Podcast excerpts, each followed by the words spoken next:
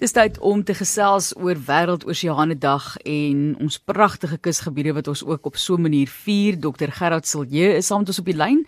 Hy is die direkteur biodiversiteit en kusnavorsing Die direktoraat resorteer onder die tak Oseane en Kusnavorsing by die Departement Bosbou, Visserye en die Omgewing in Kaapstad en hy is ook 'n akwatiese ekoloog. So dokter, ons wil graag hoor wat jy tans navors is. As jy tyd het tussen al daai titels as direkteur ook baie welkom. Gesels met ons oor Internasionale Oseane Dag, waarom hierdie dag te vier. Ag, uh, middag, maar nee, nee, sommer gerad, dis nie haks so. Ehm um, Ja wel ons is basies verantwoordelik vir vir kusnavorsing en dan ook ehm um, die seenavorsing.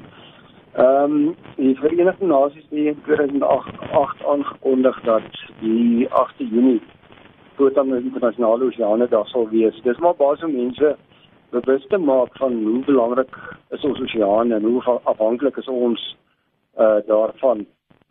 Ehm um, basies die hierdie jaar se spesifieke ehm um, tema is gaan juis oor sustainability. Aso jammer vir die Engels, maar ek dink maar daai in Engels.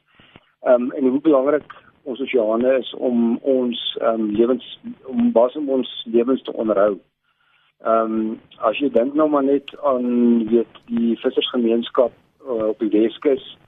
Ehm um, die ouens wat nie hawe werk in in in, in Durban en Richards Bay weet selfs die ouens wat wat surfboards maak in in in um, Jeffreys Bay. Hulle ons almal is afhanklik van van die oseane.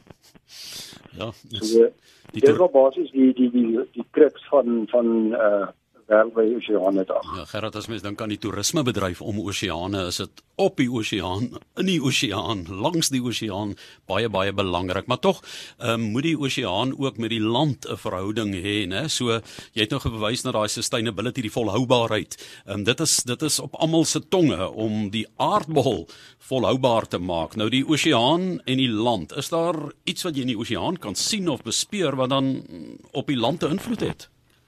Ja, dit is uh, definitief ek bedoel al ons al die besoedeling ehm um, wat in Johanne beland is afkomstig oorsaaklik maar van van van ons land af. As jy net kyk ons is eintlik besig met 'n projek wat hulle noem Source to See wat ons as 'n departement probeer om die impak van plastiek te verminder deur dit aan te spreek in die in die in die opvangsgebiede, in die riviere en dan in die proses uh, verminder ons die hoeveelheid plastiek wat uiteindelik eindig in die oseaan. In die proses ehm um, maak ons uh ehm um, maak ons ook van mense gebruik uh, veral in jou lae inkomste groepe om hierdie om hierdie plastiek te versamel en te recycle. So in die proses is daar 'n uh, uh, finansiële aanwinst vir vir hierdie gemeenskappe en dis die hele ding ehm um, weet ons kan nie meer net um onafhanklik na die omgewing kyk nie. Ons is deel daarvan en ons ekonomiese aktiwiteite het 'n invloed op die omgewing. So dis basies wat uh, jou jou land jou land invloed op die op die oseaan word probeer om hierdie goed aan aan te spreek. Dokter Gerard Silje, wat met ons gesels. Kom ons kyk net gou na die belang natuurlik hierso. Jy weet 'n mens 'n mens weet hierdie kwessies is belangrik, maar die viering van so 'n dag om die fokus daarop te plaas. Hoekom is dit belangrik en watter verskil dink jy maak dit regtig? Ehm um, kyk soos ek sê die die, die belangrikste ding is dat dat mense weet ons vat dinge baie keer maar redelik ehm um, so um, for granted, weet. Ons sit en kyk vir die oseaan. Dit is baie lekker as jy jou, jou vakansiehuis daar het, maar jy weet jou aktiwiteite wat jy daar um, mee besig is. Weet of dit nou is braai en of dit nou is wat jy jou kar was.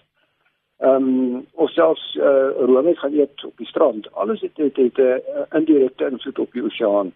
Ehm um, en dis hoekom dis dis is maar deel van omgewings ehm um, ehm um, sensitivisering van van mense om hulle bewus te maak van elke ding wat ons doen met 'n impak iewers op die oseane en ons is ehm um, as mense is ons afhanklik van van oseane dit ehm um, as jy kyk as as noem dit so so half uh, so tongue in cheek dat as jy wil weet wat se wat se oeste gaan daar wees in Botawil jy net kyk wat doen die walvisse in Hermanus jy weet die sirkulasiepatrone in die see het 'n invloed op ons land um, aktiwiteite dit ons soos landbou maar dit het ook 'n invloed op op, op ons seelewe. En dis hoekom ons moet die hele idee van van van uh, internasionale oseane dag om ons net net weer bewus te maak. Want ons geneig om hierdie dinge soort van te vergeet. Ehm um, so dis wel basies hoekom ons ons na hierdie weet die oseane dag ehm um, vier.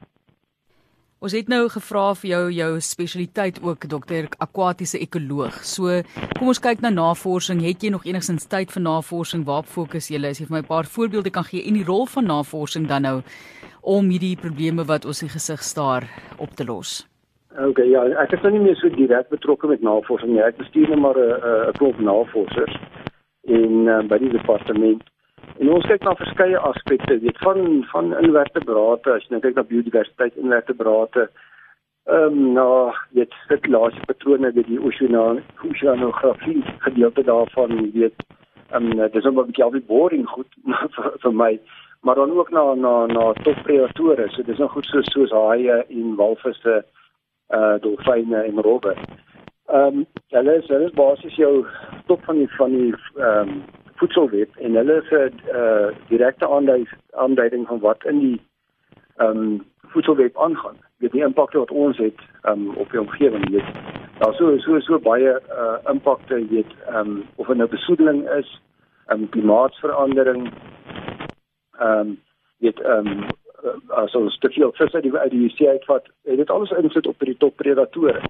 En gebaseer daarop kan ons bepaal is ons oseane gesond wat se veranderings wat plaasvind en veral in terme van klimaatsverandering, wat se veranderings kan ons opmerk in terme van ons ons om ons toppredatore en daardeur kan ons dalk beter besluite maak in die toekoms. Ehm um, ek sê altyd goeie omgewingsbesluite ehm um, is gebou op goeie wetenskap.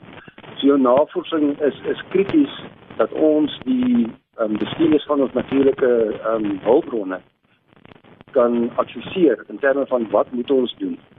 Ehm um, en dis dis 'n mooi ding van wetenskap. Wetenskap is nie ou vrou stories nie. Dit is is baie goed eh uh, gefundeer en is goed nagevors. Ehm um, en dit gee ons 'n baie beter idee van hoe ons hierdie probleme waar wat ons um, in die oë staar, hoe ons dit goed kan kan kan aanspreek. Uh kan ons so ten slotte net gehoor. Dit is nou Dr Gerard Silje, direkteur biodiversiteit en kusnavorsing. Die direktoraat sorteer onder die tak oseane en kusnavorsing by die departement bosbou, visserye en die omgewing in Kaapstad. Maar kan ons net so ten slotte net kyk na die rol van die mens. Nou wanneer mens eeue teruggaan, dan was daar nie 'n wetenskap nie. Ons het 'n tipe van 'n kom ons noem dit nou 'n paradys. Jy weet ons het ons het 'n paradys omgewing gelewe. Alles was so half in balans gewees. Die oseaan het as dit ware vir hom of haarself gesorg en so ook die land. En toe kom die mens met die ontwikkeling en al hierdie goed wat nou die wetenskap tot gevolg gehad het. Wat my by die punt bring is dat al hierdie dinge waaroor ons praat is nou afhanklik van die mens en die wetenskap en hoe ons gaan toetree tot die probleem nie waar nie. Ja, dis reg, dis reg. Kyk die die die, die ding vir die mense is met ons nie vermoë om probleme ehm um, te kan identifiseer en planne te maak rondom dit. As jy net kyk na die tipe navorsing wat ons doen en hoe die navorsing nou al ehm um, gevorder het van net gewone observasies wat ons nou van die land af gedoen het tot die gebruik van van satelliete om te kyk na strome strome in die, in die suidelike oseaan. Weet goed soos ehm um, kameras wat ons kan ehm um, afstuur na 100 meter toe onder onder die onder die see om te kyk wat daar aangaan om te kyk na biodiversiteit. Al die goed is tegnologie wat ons basies ontwikkel het gebaseer op die probleme wat ons het. So ja, die mense is nogal vindingryk. Ehm um, weet ons ons het nie vermoë om baie van die goed identifiseer en planne te maak rondom dit. En uh, eh, eenvoudige ding soos ehm um, die gebruik van van uh, windkrag, jy weet, ehm um, 100 jaar terug sou mense gesê het jy is mal as jy gedink het jy kan daarmee krag opwek en kyk kyk waar is ons nou vandag. En dieselfde met met die probleme wat ons met die oseane ondervind. As ons net ons ons ehm um, brein reg inspann en die regte besluite maak en daarbey bly, ehm um, kan ons hierdie probleme ehm um, oplos en oplossings vind vir vir baie dinge nie net in terme van die omgewing maar ook in terme van ehm um, weet ons ons ons uh, lewensvatbaarheid uh, op aarde. Baie baie dankie uh, dat um, ons vandag kon gesels het hier op Wêreldoseane Dag. Ehm um, verjaar se tema The Ocean Life and Livelihoods en ons het gesels met Dr Gerard Silje soos ons gesê het. Sterkte vir die res van die dag en waar jy die soeklog laat val dan op die belangrikheid van oseane uh, en sukses met al die navorsing en werk wat daar gedoen word. Daar as ehm um, as eh, 'n uh, man wat in die akwatiese wêreld sy plek moet vol staan. Dit was 'n uh, voorreg om te kon gesels. Baie dankie. Ag baie dankie. Goed gaan daar.